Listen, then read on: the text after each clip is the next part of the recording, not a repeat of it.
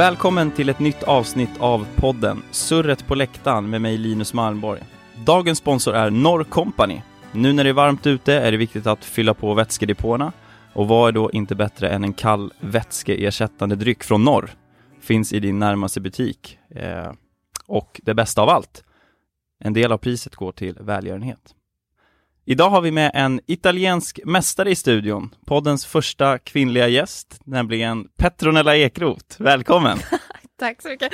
Alltså vilken bra röst du har, tänkte Tycker jag det? på. Ja, En bra radioröst. ja verkligen. Jag satt så här, bara, gud det här låter jättebehagligt. Nej men tack så mycket. Hur är läget? Det är bra. Kul Härligt. att träffa dig, det var länge sedan. Ja, verkligen. Eh, nej, men, eh, nej men det är bra faktiskt. Mm. Kul att höra. Mm. Innan vi drar igång här med vårt samtal Mm. tänker jag att jag ska ställa 12 halvsnabba frågor till dig. Oh, shit, ja. Är du redo? Okej, Nej, jag vet inte, men ja, kör på. Ålder? 30. Gud jag bara, ja jag är 30, det är så sjukt att ta in det, men ja jag är 30 Du har tagit år. steget nu. Ja, det är helt sinnessjukt alltså. Ja. Jag känner mig absolut Jag kommer ihåg sen när man var mindre, typ när man var 18 och kom upp till mitt första allsvenska lag i Linköping, så såg man de som var typ 30, man bara Nej men gud, de är så gamla, de behöver värma upp och de vill liksom så här gå till gymmet innan för att bli varma och köra sina rutiner. Och sen så nu är man ju där själv. Mm. Men jag känner mig typ inte som jag såg dem på något sätt. Nej, precis. Men det, så det tycker väl säkert de yngre. men ja, det är bara att acceptera på något sätt. Men jag önskar kanske att jag var ja, men 25 så att jag hade liksom fem år till Mm. på mig. Men du är ung i sinnet, så det är lugnt. Ja, men exakt. Ja. Ja. Familj? Eh, en, jag är fästman, vilket är också helt sjukt. Eh, vi förlovas i december. Eh, en lillebror, en mamma och en pappa. Yrke? Fotbollsspelare. Om du vann 10 miljoner på Lotto, vad hade Åh, du gjort herre- för pengarna? Nej men gud. Eh, alltså vi håller på att titta på sommarställe nu så att då hade jag nog köpt ett sommarställe tror jag. Och sen gett, eh, gett pengar till eh, min familj. Om du får vara en annan person för en dag, vem är du då? Herregud, de här är ju svåra. Det är det jag menar med Det är sånt halvsnabba. här jag aldrig går liksom och tänker på. Men eh, åh, herregud. Eh, alltså jag tycker, jag tycker Obama är en eh, sjukt häftig person. Eh, och en imponerande människa. Det hade varit häftigt typ att se hur hans liv är. Eh, om jag säger en kille och en tjej då. Absolut. Eh, så jag, nu har jag verkligen inte tänkt på det här, men det är liksom vad som dyker upp bara. Eh, sen tycker jag att eh, Beyoncé är skitcool. Det För var att bara häftigt att se deras liv. Ja men alltså, eller så här få uppträda tycker jag verkar skitkul. Och kunna sjunga som hon gör och dansa som hon gör. men alltså så här, bara det livet. Jag tror det hade varit så här lite häftigt att få uppleva det kanske. Eh, vad tror du är en vanlig missuppfattning om dig, som andra har? Oj. Jättebra fråga. En vanlig missuppfattning. Gud vad svårt. Eh. Nej men alltså jag, jag tror kanske att folk tror att eh... Nej men så här att, att typ det går väldigt lätt för mig allting.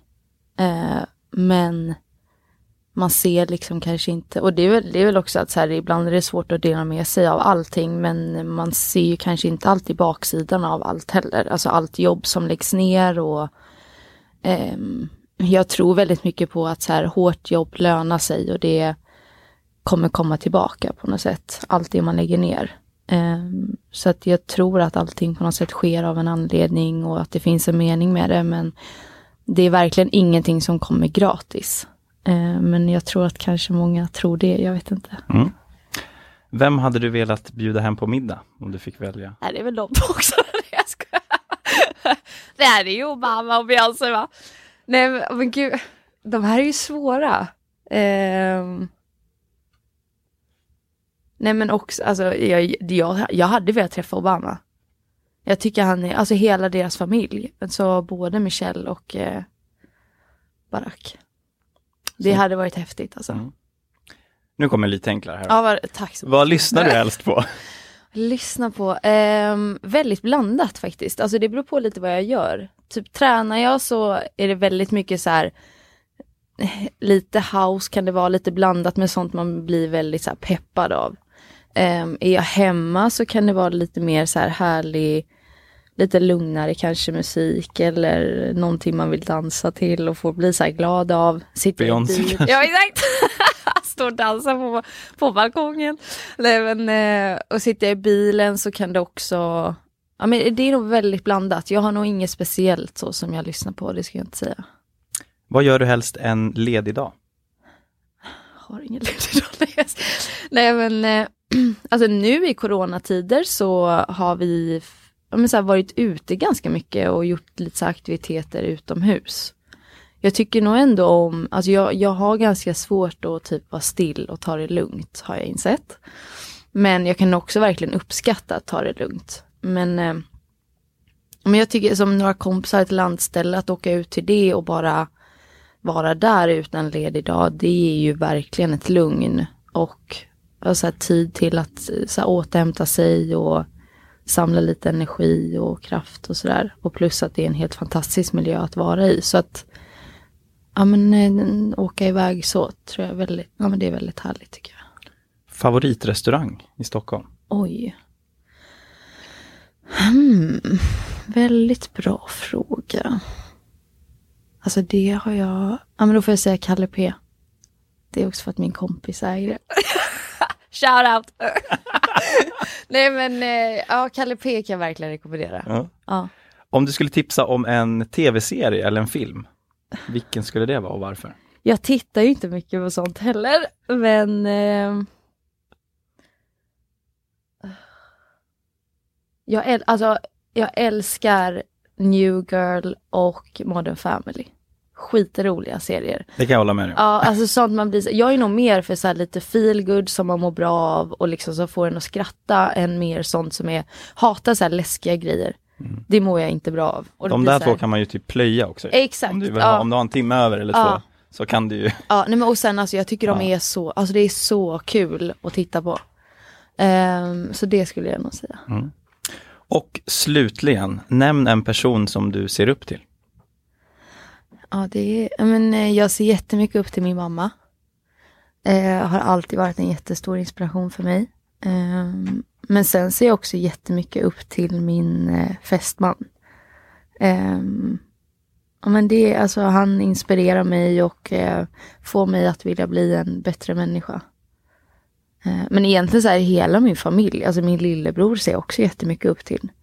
Ehm, och liksom hans psyke på något sätt önskar ibland att jag hade.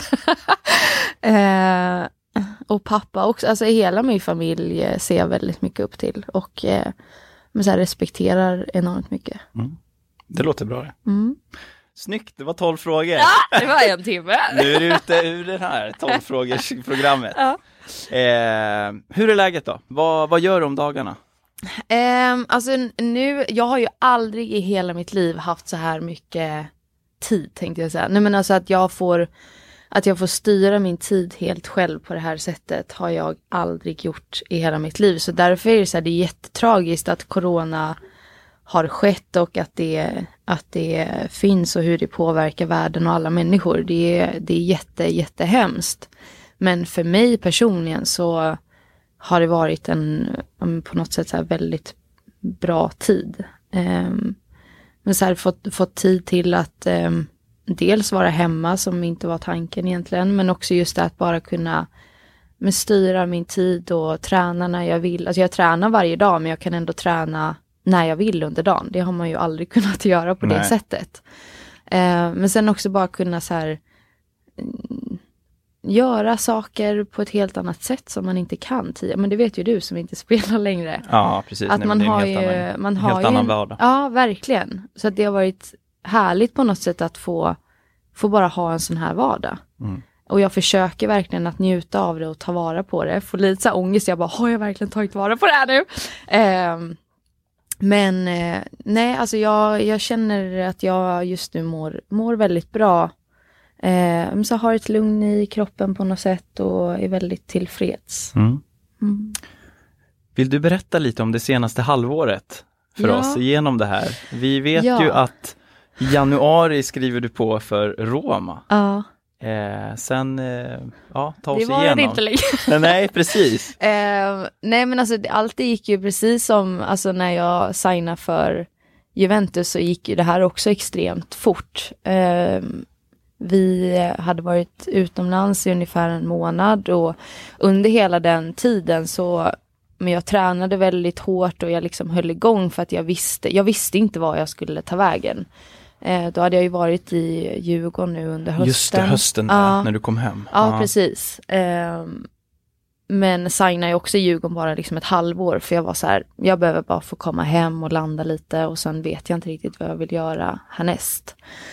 Men så under hela liksom tiden i Thailand när vi var där så hade jag kontakt med min agent. Var ju såklart lite stressad, det är man ju alltid i de tiderna. Men jag var också väldigt så här osäker på vad jag ville göra, ifall jag ville utomlands igen eller om jag ville vara kvar i Sverige och i så fall vart i Sverige och ja, alla de här tankarna som alltid florerar. Men så liksom gick tiden och eh, ja, men det hände inte så jättemycket och det blev inte så jättemycket konkret, eh, mycket så här flytande liksom.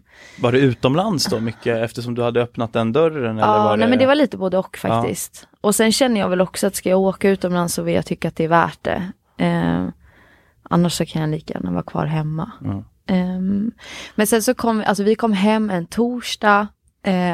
På fredagen så ringer min agent och säger att Roma är jätteintresserade och att det liksom är snabba puckar för att de vill att jag skulle komma ner så fort som möjligt egentligen. Um, så på fredagen egentligen så bestämmer jag mig väl att ja men vi kör. Sen på lördagen så var det väl verkligen så här, ja men nu kör vi, vi, vi, vi bestämmer att så här, så här blir det och kontraktet är klart liksom. Och sen flyttar jag på måndagen. det Det är väldigt- faktiskt snabba Ja, puckar, det, gick måste jag ge dig. Det är från fort. torsdag, Man bara, det är kan jag få komma dagar. på onsdag? De bara, nej alltså du måste komma ner nu liksom. Så då åkte jag ner och sen, ja, sen, sen var jag där liksom helt plötsligt. Så det gick ju väldigt fort och det är klart att med tanke på den erfarenheten jag hade från Italien tidigare så var jag ju väldigt, väldigt, väldigt osäker på ifall jag ville ge mig in i det igen. Samtidigt som att jag kände, en del av mig var väl verkligen så här, ja men eh, det kanske kan vara så att jag får en bättre upplevelse och jag hoppas att jag kan få det. Och eh, i så fall vill jag liksom få erfara det. Eh, men en del av mig var ju också såklart livrädd för att det skulle bli på samma sätt igen. Men jag kände ändå att jag var bättre förberedd och gick in med en helt annan inställning än vad jag kanske gjorde året tidigare. Mm. Så ehm, jag gick ju in med inställningen liksom att jag kommer må skitdåligt och att det kommer åt helvete. Nej. jo, nej men lite så. Nej men alltså jag var så Nej, här. men du måste varit för, det är Nej, som jag- du säger, jag jag- förstår vad du menar. ja, du är alltså förberedd jag- på att det inte är samma Nej. miljö, kultur, Nej, eh, exakt. liv Och- som exakt. det har här. Liksom. Ja. Eh, men utgick från att så här, det kommer vara väldigt, väldigt tufft. Återigen. Men kommer dit och det är totala motsatsen. Liksom. Mhm. Mm. Så att jag, eh, nej men jag har verkligen haft en superbra tid där. Den korta tiden jag fick. Liksom. Ja precis, berätta, för sen i Ja, början på sen- mars eller när började det snackas om det, ja, om alltså, corona i Italien? Liksom. Det kom ju ändå, alltså det, det gick ju ganska fort ehm, när det väl slog till i Italien och det slog ju väldigt hårt där också men framförallt i norra Italien. Så att nere i Rom så var det än så länge, när vi var där så var det ganska lugnt. Eh, men det är klart att många började bli oroliga och just så här matcher, ska de spelas eller inte och kan vi åka inom landet och, och allting sånt. Men jag tror inte, man förstod ju såklart inte hur allvarligt det skulle bli. Det tror jag ju ingen gjorde. Nej, Sådär nej, i det- så tidigt skede liksom. Men eh, nej, sen så fick vi en ledig helg som, alltså lördag, söndag, för att vi hade inga matcher på ett tag. Och så åkte jag hem fredag morgon och så packade ju verkligen ingenting. Alltså jag åkte hem med liksom plånbok och eh, ja, men, jättelätt bagage liksom. För jag tänkte jag åker ju tillbaka på måndag igen. Ja. Eh, men sen på söndag kväll så hör våran eh, team manager av sig och säger bara att eh, nej men du får stanna hemma för vi vet inte vad som kommer ske liksom och hur det kommer se ut. så eh, vänta med att åka tillbaks och invänta besked typ. Så han bara, jaha, ja det här är ju jättekonstigt. På ett sätt blir man ju så här, ja men skönt, jag får några dagar till Ja, hemma. Liksom. Så det var man ju ändå ja. så här jätteglad. Men ändå så var det så svårt att så här, när ska jag åka tillbaka och ska jag boka biljett och fram och tillbaka så. Men eh, sen på typ tisdagen tror jag det var så eh, sa de att ja, men veckan ut kommer vi inte träna. Eh, på grund av liksom de restriktionerna som kom från Italien och allting sånt. Så då, då var man så här, ja men gud vad nice, en vecka hemma, det är ju, det är ju väldigt lyxigt. Ja, liksom. mitt det i var ju, säsong, Ja, liksom. exakt, Ja. det var ju absolut inte van vid. Eh, men sen blev ju den veckan till en månad. Att, eh, ja, men, ja men då var det här typ, jag tror det var i början av mars typ eller något sånt. Ehm, att så här, men till slutet av månaden så, eh, så kör ni eget, så vi fick liksom program skickat hem och har ju skickat, ja, men det vill säga skicka in vikt hela tiden för att se så att vi håller formen och ja, men skickar in liksom hur vi tränar och hur det känns och hur kroppen mår och allting sånt. Eh, men sen så har ju det bara liksom förlängts och förlängts och förlängts. Så du åkte hem den här fredagen och Ja. du väntar fortfarande på besked när du får åka Ja, tillbaka? det var verkligen typ så. Eh, men sen var det ju för ungefär två veckor sedan då så blev ju beskedet att ligan avslutas. Mm. Eh, vilket var väl, det är jätte, jätte, jättetråkigt tycker jag. Att inte få vara där längre och inte få avsluta säsongen Ja, i för alla hur fall. ser ditt kontrakt ut, eller hur såg det ut? Var... Jag signar bara till, alltså nu juni ut. Ja, Så nu går det ut liksom och det, ja men som i januari när jag signade så men kändes det väldigt bra och som Mm. en väldigt bra lösning. Dels med tanke på då, alltså lite tiden jag hade i Italien tidigare men också att, ehm, ja men sen en, en bra grej för mig just där och då, eller Mm. här och nu liksom att det kändes som det bästa alternativet och bästa beslutet. mm. Ehm, och det är jag jätteglad för idag. Mm. Men eh, nu går det ju ut och eh, jag ska inte tillbaka i alla fall. Du ska inte tillbaka? Nej, Nej. det har jag bestämt mig för. Ja. Eh, vilket känns, ja men det känns jättebra. Ja. Ehm, men nu ska jag bara få hem mina grejer. Ja. alltså jag har ju en lägenhet där med liksom alla mina grejer. Men det, det kommer skickas över så att allting kommer ju lösa sig liksom. Eh, men ja, det känns, jag är jätte, som sagt jätteglad för den tiden jag fick. Jättetråkigt att det inte blev längre. Men eh, känns ändå bra. Mm. Mm. Det är en hel del snabba puckar där, både nu när du åker hem som Ja. du berättar, men också, och jag har hört dig tidigare berätta om när du skriver på för Juventus, är det Ja. också snabba Ja, puckar. verkligen. Eh, och agenter inblandat och sådär. Hur utbrett är den agentbranschen på fotbollssidan, på damsidan, skulle du säga? Alltså, det känns som att det har blivit mer och mer eller bättre och bättre. Mm. Eh, alltså jag har ju haft agent i kanske, vad är det nu? Fem år kanske, någonstans fyra, fem år. Eh, och tidigare har jag egentligen haft hjälp av typ mamma och pappa. Mm. Eller så har ju skött det mesta själv egentligen. Eh, Men nu är det ju, vilket är ju jättepositivt, att damfotbollen utvecklas och eh, det kommer in mer och mer pengar, även fast det nu kom ut igår att eh, damerna får liksom 70 miljoner mindre, eller damallsvenskan än herrallsvenskan och det är ju helt, får man svära, helt jävla Det sjukt. får du göra i den här podden. Och jättetragiskt eh, att det fortfarande ser ut som det gör. Men återigen så här som, som man är ganska van vid att man får väl vara glad för det lilla hela tiden och de små stegen som, som det tas framåt. Eh, och det har det ju gjort under liksom alla de här åren och under tiden man har spelat vilket har varit väldigt häftigt också att få uppleva. Mm. Ehm, men just att kunna få, som nu, att man kan spela utomlands på ett helt annat sätt och att storklubbar startar damlag och att man har chansen att som men, liten tjej få drömma om de här storklubbarna och storlagen och det är väldigt, väldigt kul och väldigt eh, bra för, för dem tycker jag att men, kunna få drömma i, iväg lite som kanske pojkar kan göra.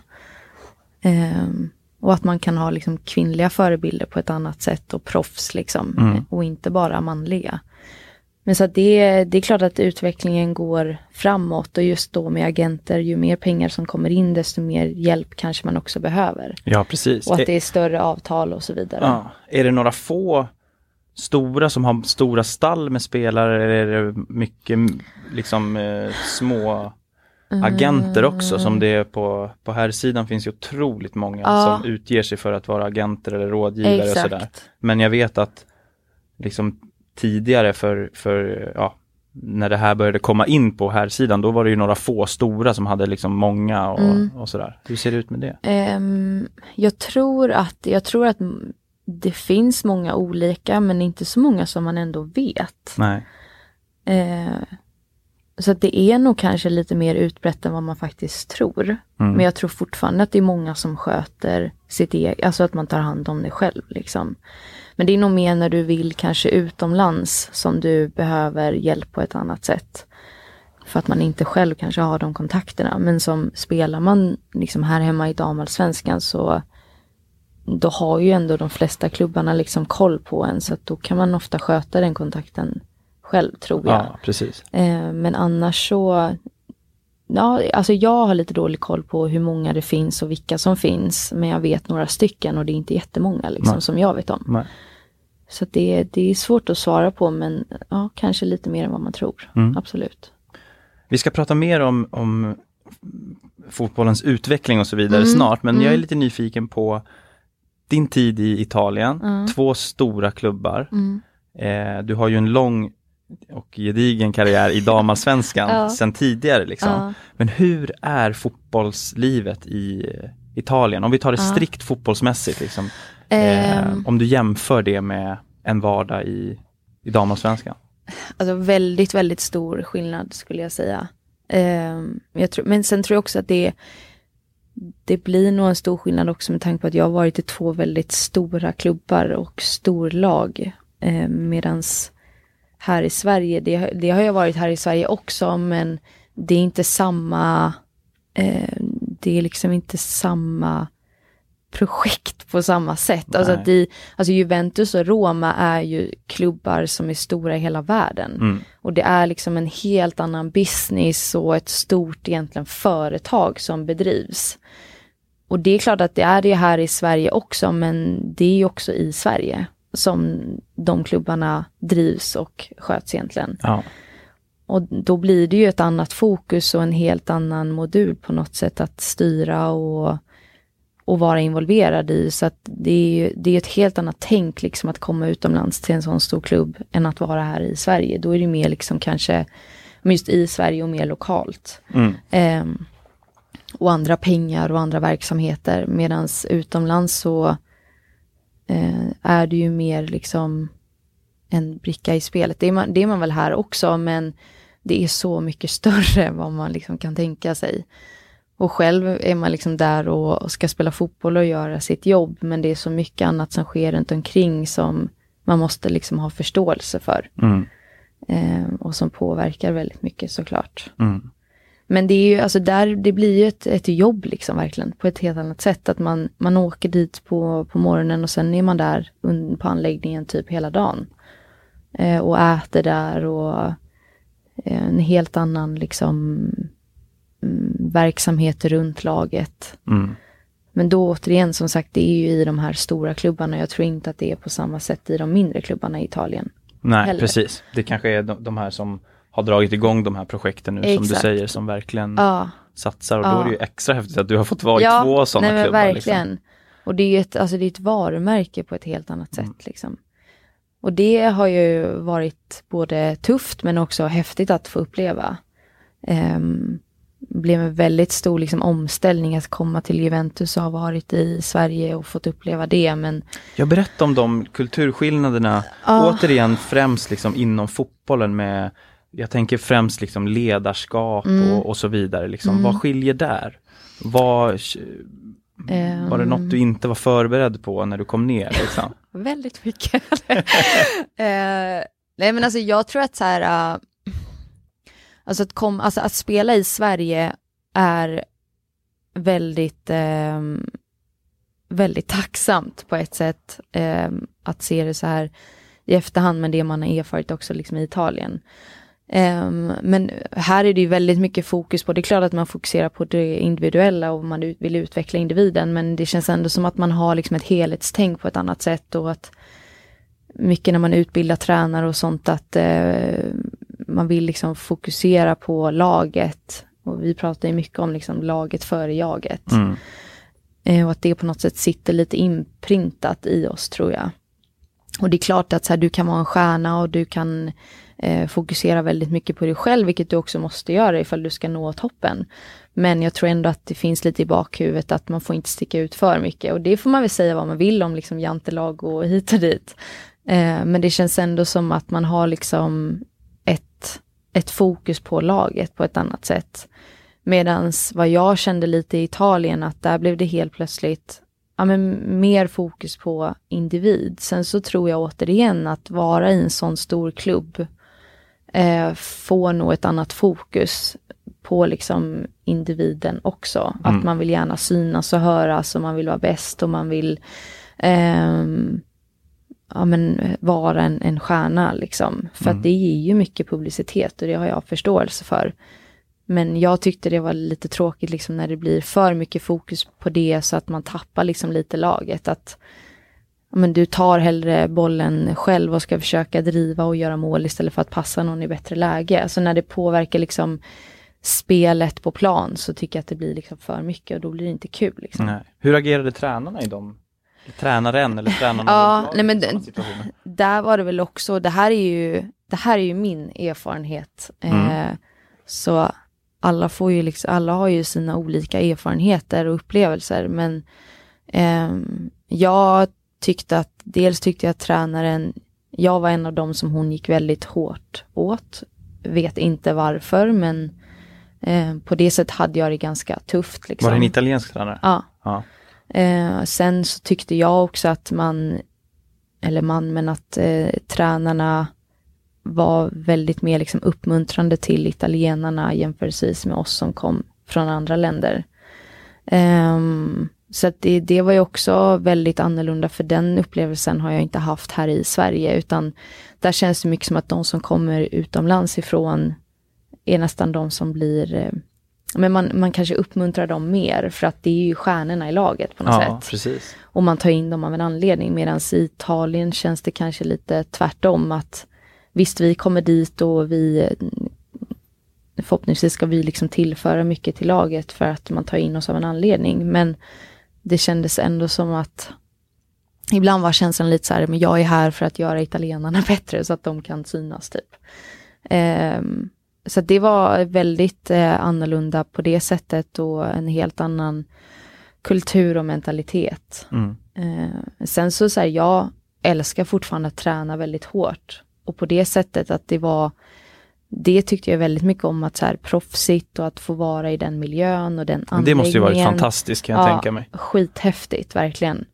Eh, och att få leva som ett proffs liksom. Ja. Det är ju jättehäftigt. Men jag tror också att jag hade en upplevelse av, eller en, en, en uppfattning om att proffslivet eh, ska vara skithärligt och man lever livet och det är eh, så, ja men så här, någonting man har sett fram emot hela livet och att man eh, har det hur bra som helst. Men det var ju liksom för mig var ju, alltså tiden i Juventus är ju det värsta jag varit med om liksom mm. i min fotbollskarriär.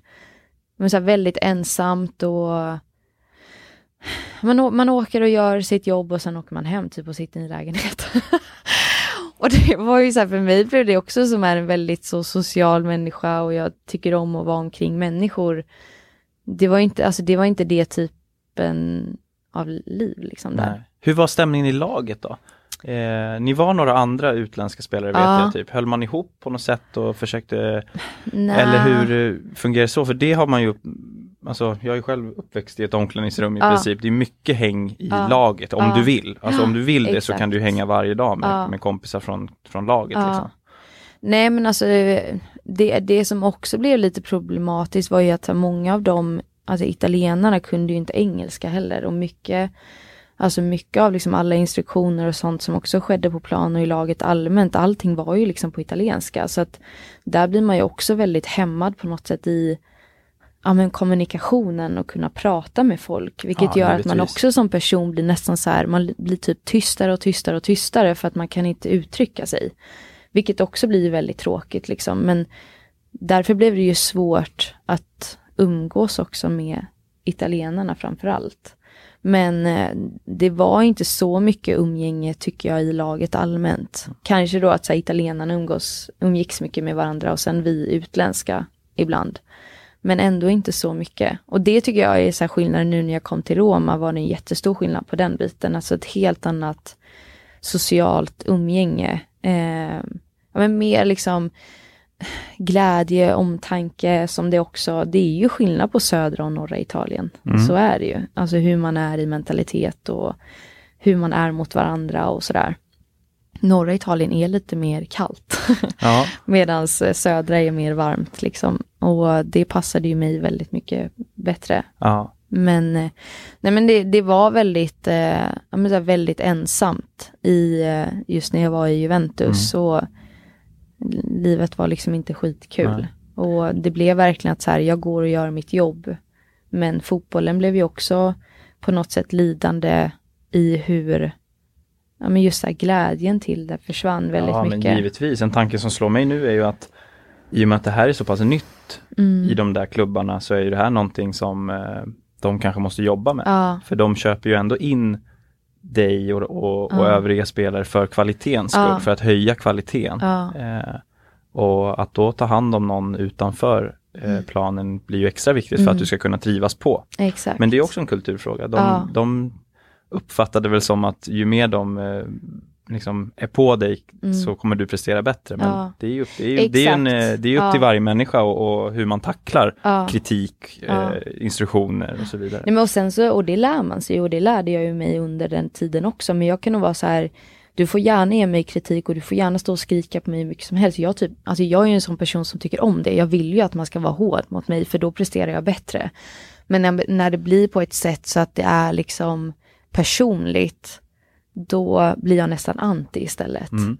Ehm, och speciellt då när man kunde se att ja, men en av typ italienarna gör samma sak men hon får inte höra någonting för att de blir nästan uppbyggda på en pedestal medan vi får ta all skit typ för deras skull på något sätt.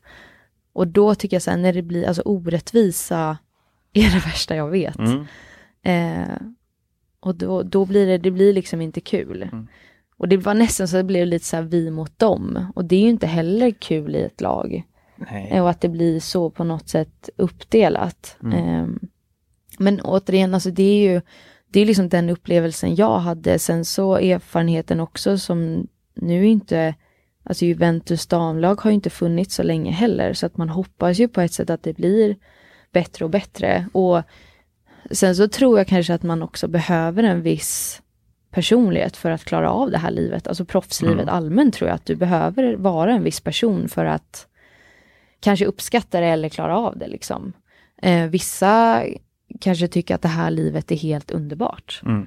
och tycker verkligen att eh, det är en, en lyx liksom på något sätt och att de inte kunde ha det bättre och det förstår jag. Men för mig så tycker jag kanske inte att det är det, det roligaste. Nej. Men, men samtidigt så, det vet man ju inte heller, så hade jag varit i en annan plats i livet så kanske jag hade tyckt att det, hade jag varit yngre så kanske jag varit en annan sak också, jag vet inte. Nej. Nej men Men, precis, eh, en fotbollskarriär är så pass kort och så, så mycket handlar om timing. Ja, Precis som du säger, var man är, vilken... Ja. eh, eh, men jag är, jätte, alltså jag är jätteglad liksom när jag ser en som Linda Sembrant, en annan svensk som är där idag och som också nu har förlängt. Det är, jag blir jätteglad när jag ser det och för hennes skull, att trivs hon där så är jag bara jätteglad för hennes skull och jag hoppas att hon mår bra och att de andra i laget mår bra liksom. ja. Eh, men, men jag mådde inte bra där och liksom det jag fick uppleva. Men samtidigt har jag lärt mig extremt mycket av det också. Och jag fick en helt annan upplevelse i eh, Roma, vilket jag är jätte, jätteglad Ja, det måste vara för. skönt att höra. Ja, jätte, jättetacksam för det och att ändå på något sätt men liksom få, få den upplevelsen av att vara proffs. Mm. Och bara Och få två känna... titlar. Exakt. Ja. Berätta snabbt om dem då, vad häftigt. Ja, men det, ja, det var ju väldigt, väldigt, väldigt häftigt. och det är ju på något sätt också att även ifall det var en tuff tid och allt det man gick igenom, så när man står där liksom har vunnit ligan och att vi också vann kuppen så var det ju värt det. Mm. Alla dagar i veckan. Och du gjorde mål i, Ja, men jag, alltså det, det var verkligen som att så här, alla stjärnor står rätt för mig den här veckan.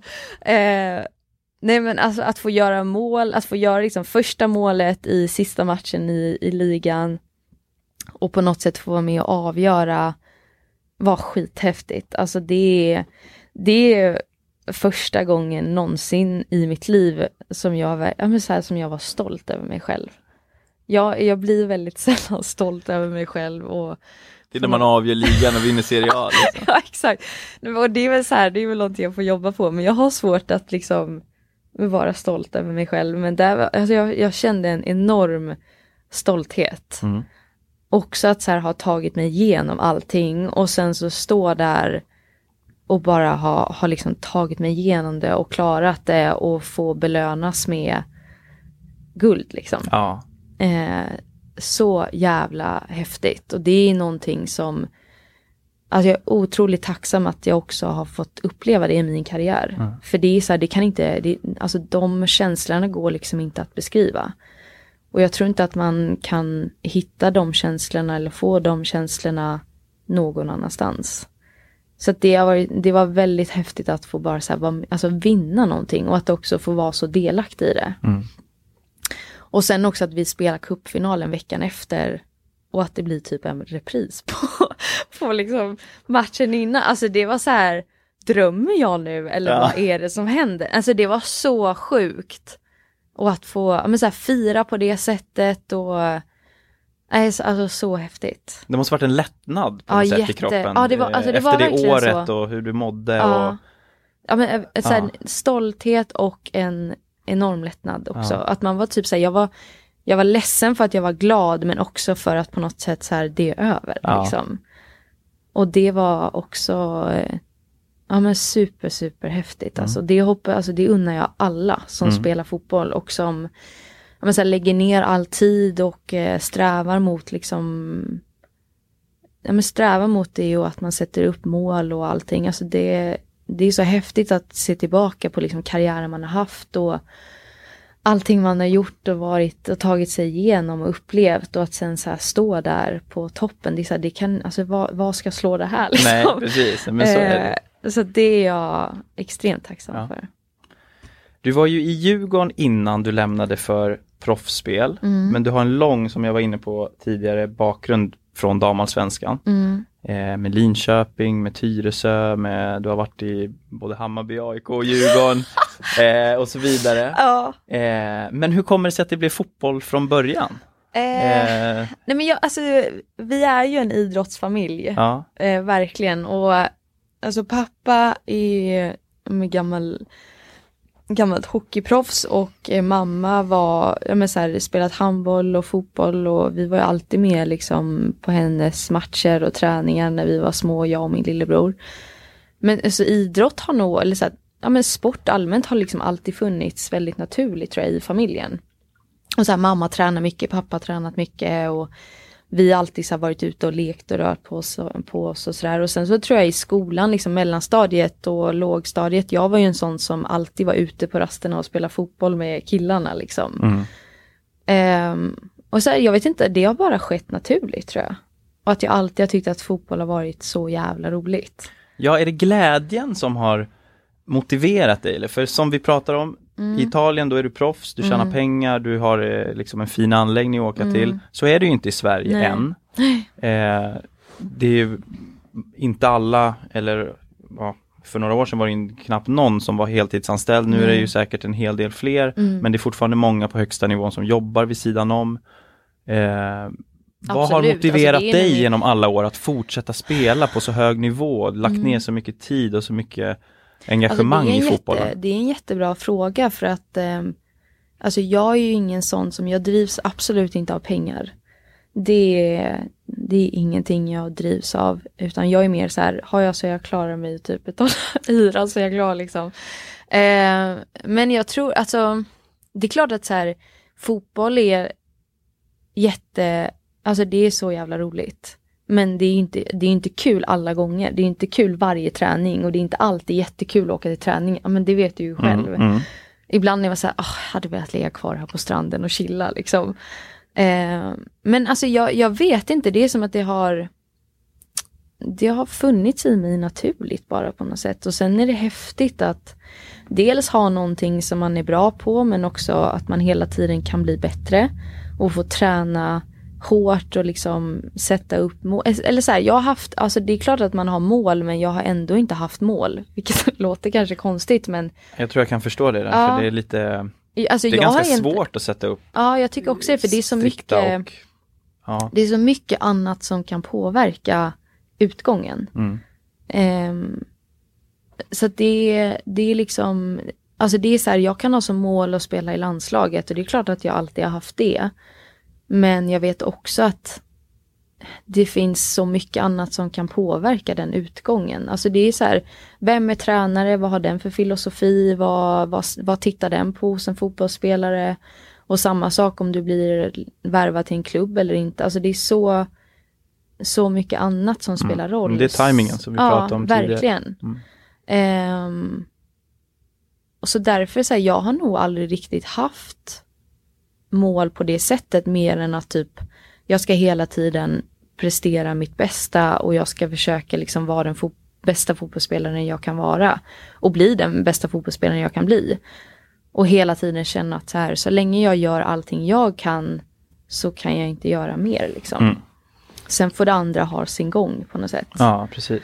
Um, så att där, det är klart att liksom allting som har skett och den karriären jag har haft, alltså allting blir också på ett sätt väldigt slumpartat. Mm. Alltså det är ju bara att titta på senaste två åren hur, hur de har eh, alltså hur det har skett, det har gått väldigt fort allting, alltså när det väl har skett och det har varit lite slumpartat. Sen är det klart att man hamnar ju där av en anledning för att man har presterat.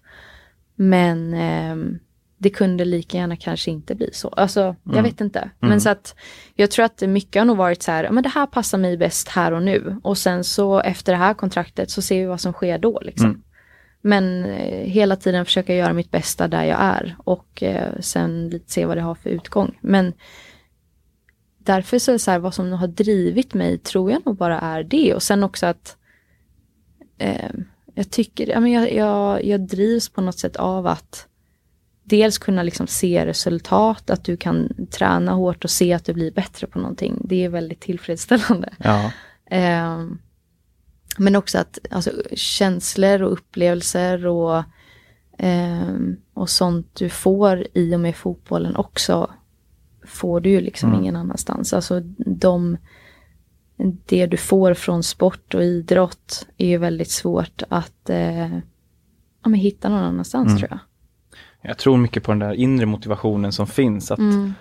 Det låter på dig som du aldrig har funderat på om du ska spela fotboll Nej, eller inte, utan aldrig. det har varit självklart. Ja. Eh, och så är det nog för många fotbollsspelare tror jag. Mm. Och när den tanken väl kommer någon dag att så här, ska jag verkligen göra det här? Mm. Det är nog då man ja, eh, bör fundera på vad man ska göra ja. i nästa steg. Ja. Liksom. Men det låter som det aldrig har, har eh, liksom, den tanken har aldrig slagit dig, för det är så självklart att spela. Liksom. Ja. Men, och jag tror så här, när jag var Alltså när jag var yngre då höll jag på med väldigt mycket olika sporter men fotbollen har liksom alltid funnits där. Mm. Um, och jag valde till slut mellan fotboll och basket egentligen men det var liksom, det var ingen tanke på att jag skulle göra någonting annat. Men det var nog också att, men det gick väldigt bra och man blev uttagen, alltså jag är uppväxt i Oskarshamn i Småland så jag blev uttagen till Smålandslag och sen gick det väldigt bra liksom på de lägren och sen från elitlägret blev man uttagen till landslaget och det liksom har flyttit på på något mm. sätt. Och sen när man också inser att man är bra på något då vill man ju bli bättre och se Jaha, typ absolut. hur bra man kan bli och hur långt man kan gå. Ja. Um, nej men så det har nog, ja, men det har nog bara varit naturligt för mig mm. tror jag. Mm. Om vi jämför de här fotbollsvärldarna igen då, Sverige kontra proffslivet. Mm. Tror du att det kan vara positivt med det upplägget eller det som är i Sverige idag att du kan ha saker vid sidan om? Att du pluggar, att du jobbar och så vidare. Eh, med tanke på hur du mådde mm. i Italien.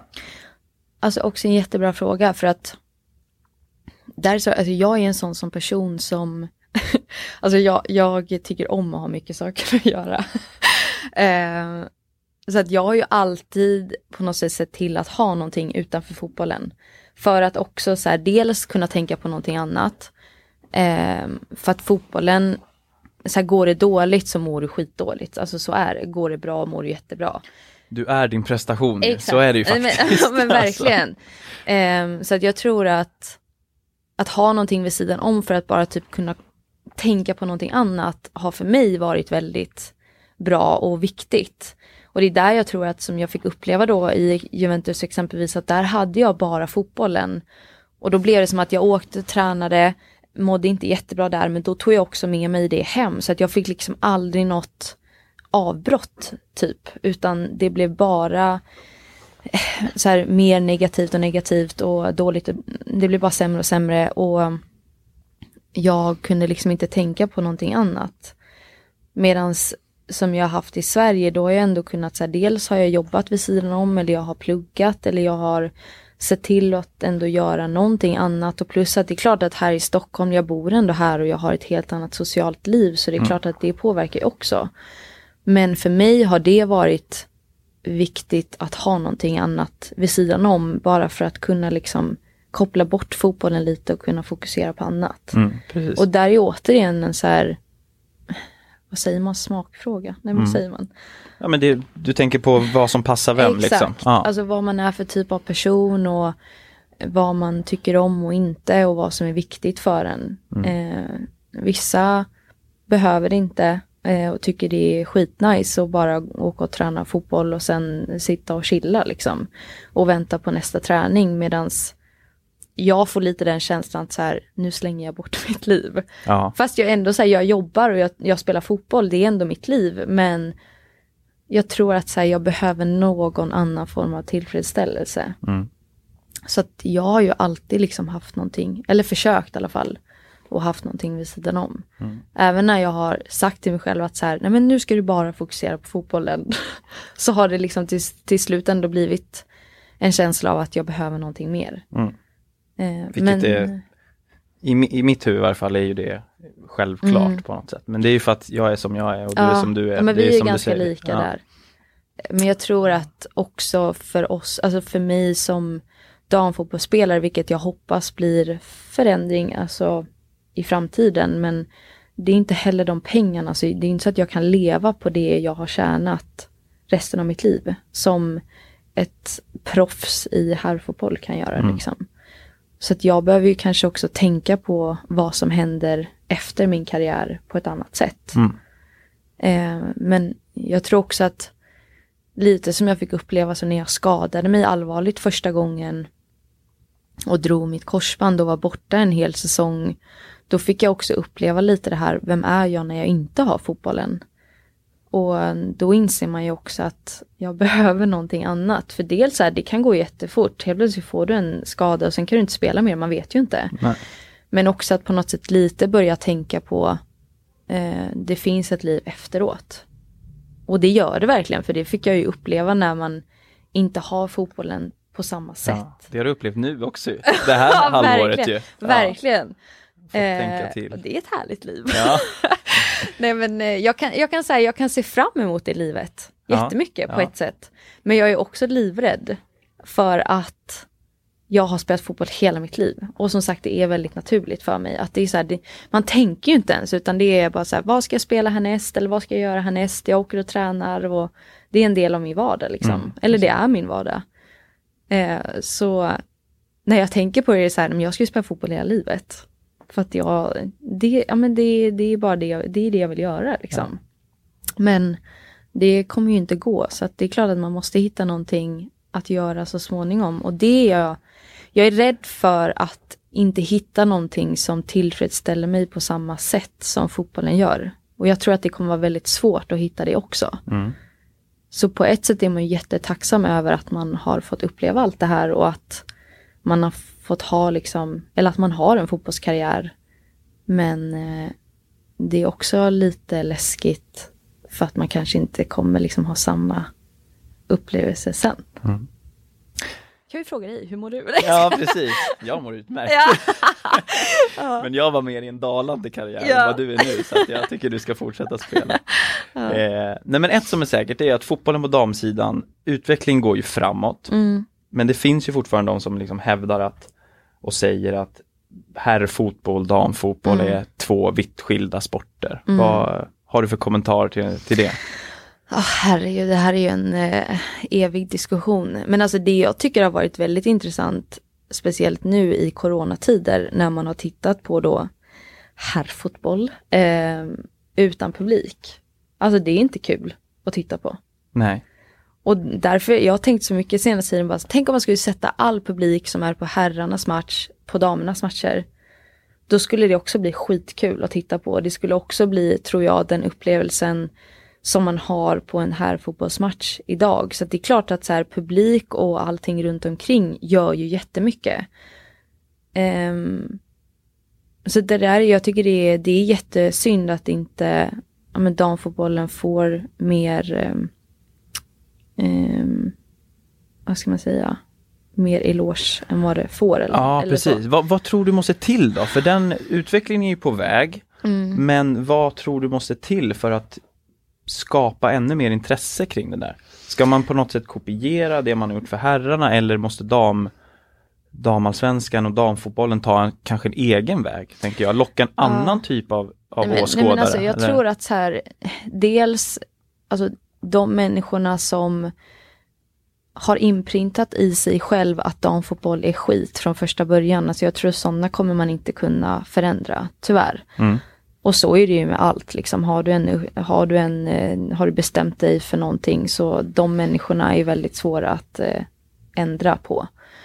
Eh, så vissa tror jag att det, det är inte ens möjligt liksom. Och de, oavsett ifall de tycker att de skulle kanske vilja gå och titta på en damfotbollsmatch skulle de aldrig in- erkänna det. Liksom. Men sådana typer av människor finns det ju. Ehm, och det, det är väldigt många som men sen när de går och tittar på en dammatch så tycker de att det är skitkul. Så jag tror så här, många har ju inte ens testat liksom. Nej. Vilket är ju jättetråkigt. Men så det är klart att så här, dels behöver man ju få till publik, absolut. Men jag tror också att det sitter mycket i alltså de som, de som bestämmer och eh, hur saker och ting ska fördelas. Men vi såg nu exempelvis hur pengar fördelades i damallsvenskan kontra herrallsvenskan och det skiljer på liksom 70 miljoner. Mm.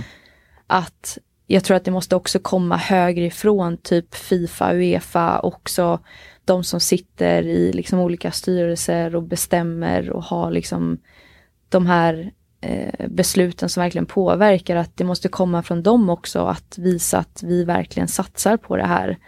Eh, för att andra också ska på något sätt hänga med liksom. Mm. Så att De som det- hävdar då att marknaden, eh, att, att liksom det här speglar marknaden, att här fotbollsmarknaden är så pass mycket större, mer lukrativ, att de Mm. är då på något sätt eh, förtjänade av den Mm. fördelningen Mm. typ. Vad tänker du kring det?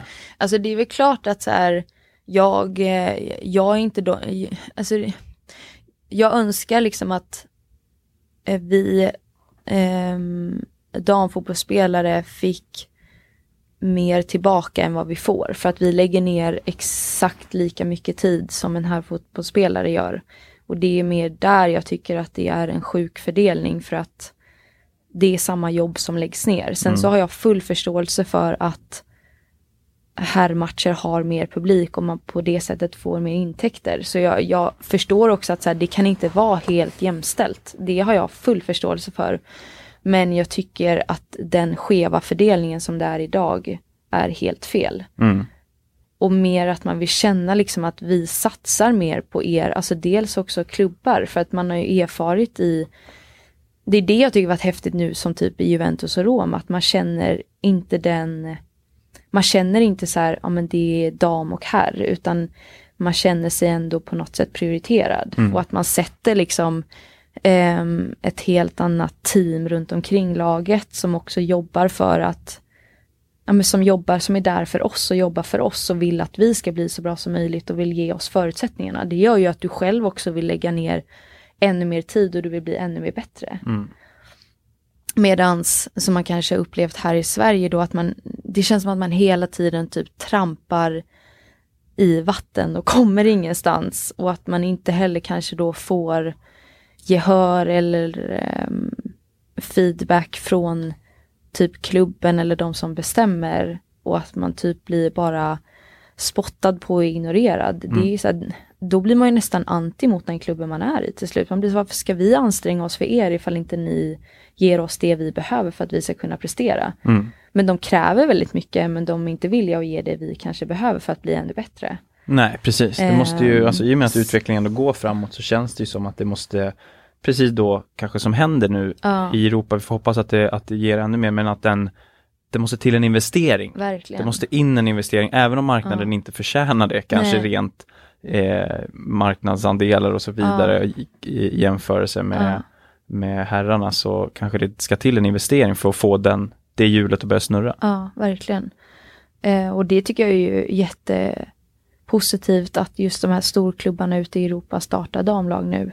Men också att jag förstår inte heller varför man inte ser det som någonting positivt just att vi har ett damlag och vi har ett herrlag och varför man inte pushar det kanske mer än vad man gör. Exempelvis liksom lag här i Sverige och klubbar i Sverige som faktiskt har det. Att pusha det ännu mer. Mm.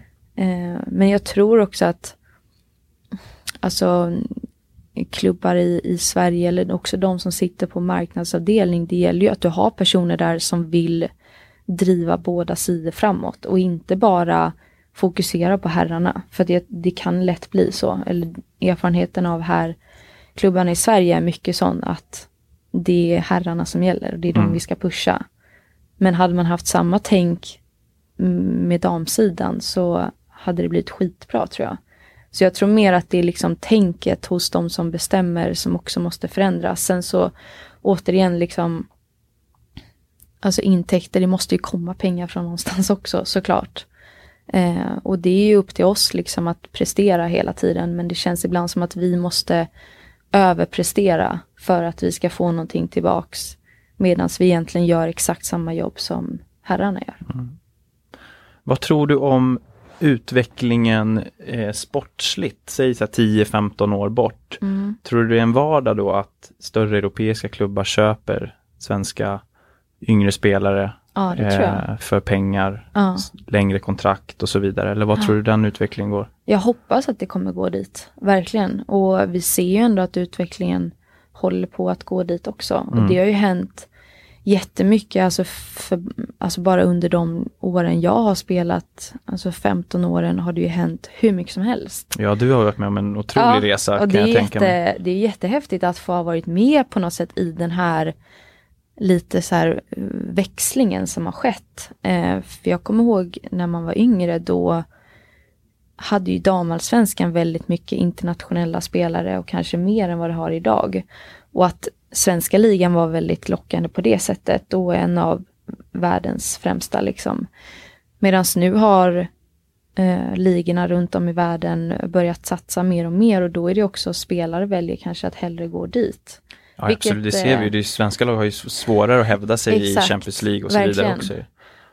Um, så att jag hoppas att uh, utvecklingen verkligen kommer gå ditåt och att det kommer bli ja, men som det är liksom på här sidan på ett annat sätt och att man också men som ung tjej idag kan sträva mot det. Men också att du ja, men som sagt så här, får kanske mer tillbaka också rent ekonomiskt för att kunna leva mer på allt det du lägger ner. Liksom. Mm. För det är väl det som är tråkigt idag att många damfotbollsspelare får sluta tidigt på grund av eller på grund av ekonomiska skäl egentligen mm. att jag har inte råd att spela fotboll. Och Nej. det är ju helt sjukt när man ser hur mycket en del herrspelare tjänar. Um, så den fördelningen tycker jag är alldeles för, för stor och eh, sjuk liksom på mm. det sättet. Mm. Och att det har lite gått liksom för långt också. Alltså det är så mycket pengar så att det är Ja. ja, det har ju skenat iväg. Det är ju löjligt ja, mycket. Det är inte, man, det. man liksom höjer knappt på ögonbrynen när någon Exakt. säljs för en miljard. Nej. Du kan knappt namnet på Nej, jag vet. Nej, men alltså det är sjuka pengar. Ja. Um, och då tänk om vi kunde få liksom en liten del av det bara. Ja. Uh, och att alltså man som dam, alltså det skulle också göra att damfotbollen skulle bli ännu bättre för att då skulle du kunna lägga ner ännu mer tid på ja, men, träning och utveckling och att jobba mer med spelare också kanske från tidigare ålder men också i de här elitlagen och att hela tiden sträva framåt och Mm. ta nästa steg liksom. Ehm, så det, är- ja, men det är jättetråkigt att vi inte får den, eh, eh, vad ska man säga, med den credden som, som herrarna får liksom.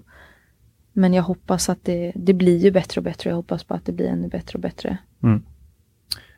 FC Stockholm som eh, gör den här podden möjlig. Ja. Eh, de har ju, vet jag, diskussioner om att starta ett, ett damlag. Ja. Eh, vad tror du krävs för det? För att kunna klättra uppåt i, i seriesystemet, som precis som deras herrlag har gjort. Ja. Liksom, att starta ett damlag i division längst ner och eh, klättra. Gud, alltså jag, eh, jag har liksom aldrig, vad jag kan nu komma, alltså för det är ju som exempelvis här, när, när Juventus nu startar sitt damlag, de har ju en helt andra Ja, möjligheter liksom och kan gå rakt in i högsta ligan. Eh, men det är klart, alltså, det får man väl se lite nu hur det kommer gå för Malmö FF exempelvis som precis har startat. just det, det är en, Eh, ja. Och den satsningen de gör, vilket är skitkul. Att man verkligen visar på att nej, men vi, vi vill på ett sätt vara mer jämställda och vi vill ha både herr och dam och vi tror på det liksom. Eh, sen, jag har svårt att säga exakt vad som krävs för jag är inte så insatt i exakt vad som krävs liksom. Men jag tycker bara att det är eh, jättepositivt att man visar att man vill. Mm. Ehm, och sen hur man liksom bygger laget och vad gäller spelare och allt sånt. alltså Det är jag inte så, det är inte så kunnig i. men, men eh, jag tycker det är ja. jätte, jättebra att också som nu FC Stockholm att man verkligen att man vill liksom och Mm. att man tror på det. Eh, det är jättepositivt. Det gäller ju säkerligen som i vilken organisation du än ska driva, att du Ja. måste hitta någon eller några som verkligen Exakt. vill göra det och är beredda att göra grovjobbet Ja. i början för att få det att Ja, snurra men, och, igång. och det är väl liksom ifall man tittar på, du kan jämföra det med ett starta eget företag också. Det är ju jättemycket jobb som krävs såklart. Och det är jättemycket jobb som kommer läggas ner. Och det är väl där man hoppas då att man, verkligen, alltså man ser i ett längre perspektiv för det kommer ju inte löna sig direkt. Nej. Och jag tror det är samma sak ifall du tittar högre upp också ifall vi tittar på liksom elitklubbarna och sånt att det är klart att du måste ju lägga ner någonting och du måste ju satsa något för att få saker tillbaks men du kan ju inte heller räkna med att nej men vi, vi fortsätter som vi har gjort men vi hoppas på ett bättre resultat. Nej. Alltså du måste ju också våga satsa för att kunna vinna liksom. Ehm, så att det är, väl, det är väl där då kanske att i en sån start-up-fas att ja, men verkligen ha orken att lägga ner tiden och du kanske inte kommer få heller mycket betalt. Jag tänker FC Stockholm liksom. Jag kan tänka mig att många jobbar Ja, de jobbar ju ideellt, exakt. hela gänget. Eh, ja. Och det är mycket jobb och tid som behövs läggas ner liksom. Men ehm, ja, det är ju mer konkurrens desto bättre. Ja. Du brinner ju onekligen för fotboll. Du Mm. har en karriär som de flesta bara kan drömma om. Mm. Eh, du är ju även en offentlig person på sociala medier Mm. med en stor följarskara och sådär. Vad tycker du själv att du har för ansvar att driva just fotbollsfrågan Mm. framåt? Eh, I och med att du har så stor följarskara och så Mm. många som, som eh, lyssnar på det du säger. Nej, men det är klart att, ehm, att man har ett, ett ansvar och att man tänker mycket på det. Men jag tror också att jag alltid i mina sociala medier, jag har ju ingen eh, plan på det jag gör. Alltså det är mycket för mig, alltså jag tror det är allmänt i livet, alltså mycket för mig är så här det kommer naturligt. Alltså jag försöker alltid att det jag gör, jag försöker göra det så bra jag kan. Men ändå på något sätt ja, men så här, vara här och nu liksom. Eh, och att det ändå eh, ska kännas, eh, ja men så här, det, det är den jag är liksom. Mm. Att jag vill inte att det ska läggas på något filter eller eh, att jag försöker vara någon jag inte är i verkligheten liksom. Så att det jag gör där är ju väldigt så här den jag är. Och det kan vara både positivt och negativt att eh, vissa grejer kanske man behöver tänka efter mer ibland. Men samtidigt så är det så här, jag, jag tycker det jag vill tycka och säger det jag vill säga för det är ändå min kanal. Sen kommer folk alltid ha åsikter. Och jag tror säkert, alltså det kan jag väl se fram emot kanske lite när man sen lägger av med fotbollen. Att kunna uttrycka sig ännu mer för att det är också så här att tillhöra klubbar och att vara en fotbollsspelare. Du måste tänka efter också mm. vad du gör och säger och tycker och hur det ser ut liksom. Och det fick jag verkligen erfara när jag kom till Juventus. Eh, ja, var det så? Var det... Ja. Nej, men det var väldigt Lade de mycket... sig i lite då vad man Ja, eh, jättemycket. Ja. Och där blev ju också en stor omställning. Det är så här social, sociala medier är ju så himla stort idag och det är inte så, det är inte mitt liv liksom. Jag, det är inte så att eh, Instagram är, är mitt liv. Men eh, jag kan också tycka att, att ska jag bli liksom styrd i vad jag får göra och inte göra där så tycker jag inte att det blir kul heller för att då blir inte det jag liksom. Och det tycker jag var jobbigt när jag var där att man på något sätt visar upp en bild av att allting är väldigt härligt och det är då man också förstår på något sätt att det är den bilden som folk får. Men jag kan inte heller göra något annat för att jag kan inte gå ut och säga att jag mår skitdåligt för att då jag spelar i en klubb som är skulle de eh, reagerat då tror du? Absolut. För i mina öron låter det som att det är det man vill göra Ja, kanske för att, för att utbilda för att gå i, liksom, Exakt. gå i bräschen Ja. för Och det var ju det Ja. jag kände då när jag var klar där att så här, det här vill jag prata mer om för att eh, jag tycker det är viktigt att folk vet om hur det faktiskt är. Alltså det är inte så härligt och glorifierat som många kanske tror liksom och man mår inte skitbra. Och det har vi ju, alltså jag tycker att man ser bara fler och fler idag som berättar om att de mår dåligt och sånt, vilket jag tycker är jättebra. För att, alltså bara på något sätt att ha liksom en eh, en liten förvarning om hur det kan vara och att man är inställd på det liksom. mm. Men jag tror, det är klart att i mina sociala medier att jag ehm, man vill ju pusha så mycket, dels som vi har pratat om, att vi damfotbollsspelare ska ha bättre förutsättningar och bra möjligheter på samma sätt som en herrfotbollsspelare just för att vi liksom lägger ner jobbet vi gör på samma sätt. Men alltså vad gäller andra saker också. Men det är inte så att jag går runt och tänker att så här, oh, jag, jag är en inspiratör och jag, jag är en förebild och jag tänker verkligen inte så. Utan eh, det jag gör är nog bara så här, jag är mig själv liksom. Mm. Mm. Du syns ju även frekvent i tv. Du är Mm. expert eh, vid olika matcher och eh, ligor och så vidare. Mm. Hur trivs du med det? Både och. Nej men, eh, eh, alltså jag tycker att det där är svårt just att säga att man är expert. Ja, ja den är lite Ja, kontroversiell den titeln Eh, kanske. Ja, för att jag, eh, det är också återigen just där när man är med eh, på andra sidan och vet hur saker och ting ser ut och sköts och eh, vissa saker kan man absolut inte påverka. Eh, och samma sak så här, ja men hur spelare presterar. Du kan vara skitbra en match och sen kanske du har en eh, dålig match nästa match och då ska man sitta liksom och tycka till om det. Men det kan vara så här, du kan, det kan ha hänt någonting privat, alltså det är så mycket annat som spelar roll som man då som expert i situationstecken inte vet om. Mm. Eller säger man situationstecken? Citation. Situationstecken. Vi klipper det Nella. Citationstecken. Nej men alltså som man inte, som man inte vet om, men då ska man liksom sitta och tycka till om sådana saker och det har jag lite svårt för. Att, eh, jag vet inte, jag, Mm. jag tycker att det är, men däremot det jag tycker är kul inom det yrket är att mer så prata om det fotbollsmässiga. Mm.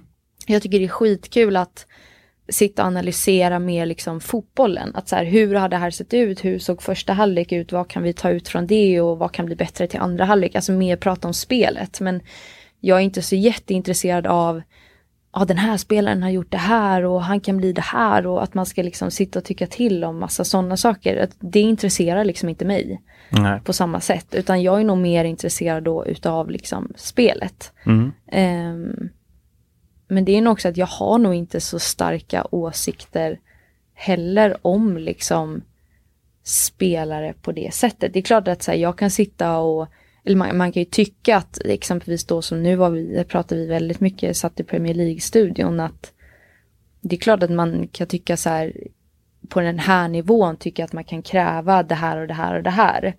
Men återigen liksom att det är så mycket annat som... De är som, också människor. Jag vet, alltså verkligen. Eh, och det har man ju själv fått erfara just vad gäller ja, men folk som ska tycka och tänka om så mycket. Jag är skittrött på det alltså. Men det är samtidigt det är någonting som kommer med jobbet man gör. Men jag vet också vad mycket skit det skapas som inte stämmer. Mm. Och då är det nog att jag känner att jag vill liksom inte vara en del av den grejen. Liksom att skapa någonting som inte finns. Och det, alltså det fick jag ju erfara jättemycket då just när jag också kom hem från eh, tiden i Juventus och jag pratade mycket om det men också hur saker och ting sprids på ett sätt som så jag har inte sagt det här. Och det här är ingenting som jag eh, kanske står för men att alla vill skapa sin egna historia om någonting. För att eh, dels sälja och att skapa rubriker men också för att folk har sina åsikter liksom. Mm. Eh, och det har jag, jag tycker det är för jävligt. Tror du tränarbiten kan vara något för dig när du väl Alltså, lägger skorna på hyllan? Alltså det jag tycker är kul är att jobba väldigt mycket, här, jobba mer individuellt. Alltså jag älskar ju den typen av träning själv nu, som jag också kört väldigt mycket nu när jag har varit hemma här, att jobba med, alltså dels här, fotboll individuellt men också styrka och liksom fotbollsfys på ett annat sätt. Och vad man kan göra där. Alltså det finns så extremt mycket du kan göra. Vilket jag tycker är skitkul. Mm. Eh, dels är det med kroppen men också det mentala och allting som, som du kan påverka liksom på ett annat sätt. För det är också så här vi, man är ju i en lagsport. Det är skillnad om du hade varit i en individuell sport där du kan påverka liksom prestationen på ett helt annat sätt. Men i en lagsport, det är klart att du kan göra en skitbra match men du, laget förlorar ändå. Så det är andra parametrar som spelar roll liksom. Men just att jobba liksom med det individuella och se till så att alla liksom individer presterar tillsammans på en väldigt hög nivå. Det skulle jag tycka var skitkul Mm. att jobba med. Där finns det ju Mycket att en, göra. Ja men det finns ju det. Det känns Ja. som att det finns en stor eh, differens mellan hur du jobbar framför allt med din, både fysiskt skulle jag säga, Ja. den erfarenheten jag har av fotbollen Ja. och men framför allt mentalt då. Eh, om du jämför med individuella idrottare kontra eh, fotboll i det här Mm. fallet då. Tror jag det finns Alltså en jag stor, tror, eh, ja jag tror dels, utvecklingspotential. ja verkligen, alltså dels här mental träning och mm, alltså som jag pratade nu med, mm, det är, det är några personer som är gamla eh, hockeyspelare, alltså NHL-proffs och så, som nu håller på och förhoppningsvis då starta typ som ett litet center som ska jobba mycket mot här, mental träning, just här, andning och eh, breathwork som det kallas. Och att jag tror, som han var mycket inne på, att här, jag tror att det här är nästa grej inom just elitidrott också. För att inom elitidrott så söker du hela tiden nästa grej för att bli lite, lite bättre och för att bli lite bättre än någon annan. Och det gäller ju samma sak, kost och allting liksom. Men att hitta det där lilla extra som kan ge dig några procent mer. Och där tror jag att så här, det mentala har så mycket större påverkan än vad man kanske tror. Eh, och hur det kan påverka din prestation. Så dels det men också just så här den, den individuella träningen. Och det är bara som, jag vet inte hur det var när, när du spelar men alltså hur man ger ut liksom styrkeprogram och alltså det är, så, det är samma för alla. Liksom. Mm. Ja, ja, Men vi är helt olika individer och spelare. Ja, olika positioner Ja, och olika... Exakt. Eh, så att mer, vilket jag hoppas, och, jag, och det är klart att så här, fotbollen drar sig ju dit också men att på lite mer så här, det hoppas man att det, det skapas bättre resurser också då på all, framförallt damsidan men att kunna liksom ha de resurserna, att kunna mer jobba individuellt för att liksom laget ska bli bättre. Mm. Ehm, för jag tror så här, att vara tränare, jag tror det är också skithäftigt, men jag, ehm, dels så här, jag kräver ju extremt mycket av mig själv som spelare, så att jag vet inte så här, jag, hade, jag tror jag hade haft svårt alltså för det. För att man, jag tror man skulle, då vill man ju vara någonstans där man verkligen känner att så här, alla här brinner för det här och de vill lägga ner 100% för att de vill bli så jävla bra som möjligt. Det tror jag skulle vara skithäftigt att träna liksom ett sånt lag. Där man liksom på något sätt så här strävar mot samma mål och man lägger ner ett jävla jobb liksom. Mm. Men eh, Ja, jag vet, ja, jag vet Ja. inte alltså. Nej, den är svår. Förhoppningsvis har du lite, Känner Några år du att kvar du vill vara tränare eller? nej, nej, absolut inte. Du har inga sådana känslor alls?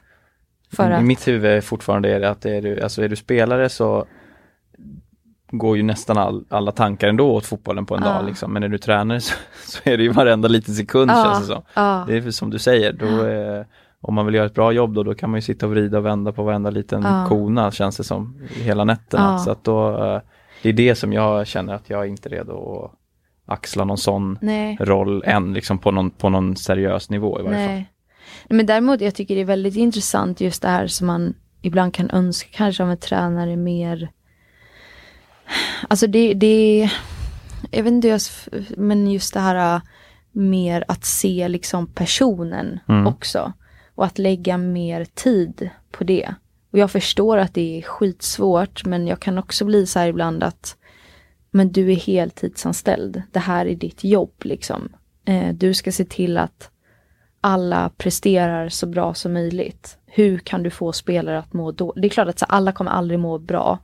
Men jag tycker ändå att så här, man skulle kunna ta sig mer tid åt att se individen. För, för jag hoppas ju ändå att i grund och botten att man är där för att man vill att laget ska prestera och man vill att varje individ ska bli en bättre fotbollsspelare. Mm. Men jag tror också att ibland att man kanske behöver liksom så här tänka lite varför är jag här? Liksom jag tror många kanske tränare är på en sån position för att de vill synas eller för att de vill någonstans. Och då fokuserar man på fel saker tror jag. Mm. Framtiden då? Ja. Vad, eh, Du bara Kontraktet- sluta prata. kontraktet går ut om eh, sex dagar eller fem dagar eller något sånt där. Ja. Nej, jo, sista Jo. juni sa du, eller hur? Ja, det är några dagar precis. kvar. Ja. Vad, hur ser du på framtiden då? Vad, eh, Bra fråga alltså. Nej, men jag känner att jag är, jag känner att jag är klar med Italien. mm, Ehm, jag är jätte, jag är jätteglad att jag fick den upplevelsen i, eh, i Roma och i Rom och liksom fick en, ja, men en, eh, en skön känsla därifrån liksom. Ehm, vilket gör ju att man blir ju pepp på att dra utomlands igen, absolut. Samtidigt som att jag eh, kanske vill vara kvar i Sverige. Alltså jag, jag vet inte. Jag, det, jag har du tror- något på bordet nu som du skulle kunna ta ställning till eller? Nej, inte liksom rent konkret mer än att det liksom förs diskussioner fram och tillbaks. Eh, och sen så får man väl liksom se. Men eh, jag tror att så här, när jag väl har mer liksom konkreta förslag och saker att ta ställning till så tror jag att då blir det alltid lättare också. Såklart. Absolut. Ehm, men, eh, ja, men så här gör jag ju alltid, typ i, i, i mellansäsonger. Alltså att jag, jag, alltså jag har nog, det är klart att jag kan känna så här, jo men absolut jag är öppen för att dra utomlands. Eller jag vill jättegärna vara kvar i Sverige, men jag är nog väldigt öppen för båda två tror jag. Och sen så väljer jag det som jag känner passar mig bäst. Mm. Tids eh, eh, där då? Är det, du måste ju ändå ha som mål att spela i höst, någonstans. Ja, ja liksom. absolut. Ja. Det har jag, absolut. Eh, Och det tycker jag så här, har varit också väldigt eh, ehm, på något sätt uppfriskande med den här tiden man har fått nu under corona. För att jag har nog känt lite senaste dels med tanke på liksom Juventus-tiden och sen när jag kom hem spelade i Djurgården och det var ju också skittufft. Alltså vi höll på Ja, men ni klarade er kvar där. Det var en positiv avslutning där också, alltså. även fast det var i andra Nej, delen alltså, av vet, Man tabellen. kommer hem man bara Åh vad skönt att vara hemma, nu ska jag försöka liksom må bra igen, tycka fotboll är kul. Kommer hem och bara så här, vad fan är det som händer? Vi håller på att åka ur allsvenskan liksom. Alltså det var ju kaos. Så den, alltså den hösten var inte, eller i höstas var inte heller skitkul liksom. Så att jag tror att det var länge sedan, eller det var länge sedan jag kände på ett sätt att det är kul att spela fotboll. För det har nog hela tiden nu, också i höstas, det var sån press hela tiden. Mm. Så att du, du njöt, eller jag njöt väldigt lite. Mm. Ehm, så det kom ju tillbaka absolut nu i Roma, men jag känner nu under tiden när jag har varit, jag har ju aldrig varit ifrån fotboll så här mycket. Men jag känner ju verkligen att jag saknar det. Och det har varit en jätteskön känsla att bara få det att så här, nej men jag är absolut inte klar. Nej, liksom. få det bekräftat. Ja, liksom. att eh, jag saknar det verkligen och jag ser fram emot att spela fotboll och nu är jag typ mer motiverad än någonsin. Liksom. ja. Eh, och haft tid att så här, träna nu och bygga upp kroppen och fokusera på sånt man aldrig har tid till annars. Liksom. Eh, så nu är jag skitpeppad på att sätta igång. Sen vad det blir, det, det får vi se. Det får vi se. Ja. En sista fråga till dig. ja. Hur länge har vi suttit här nu? Ja, vi, har, vi har suttit ett, ett litet tag. Jag tror det är bra. Min Ja. sista fråga är Saknar du tomatsåsen i Turin? Nej, alltså jag hatar, inte hatar tomatsås, men eh, jag har svårt för tomatsås. Alltså.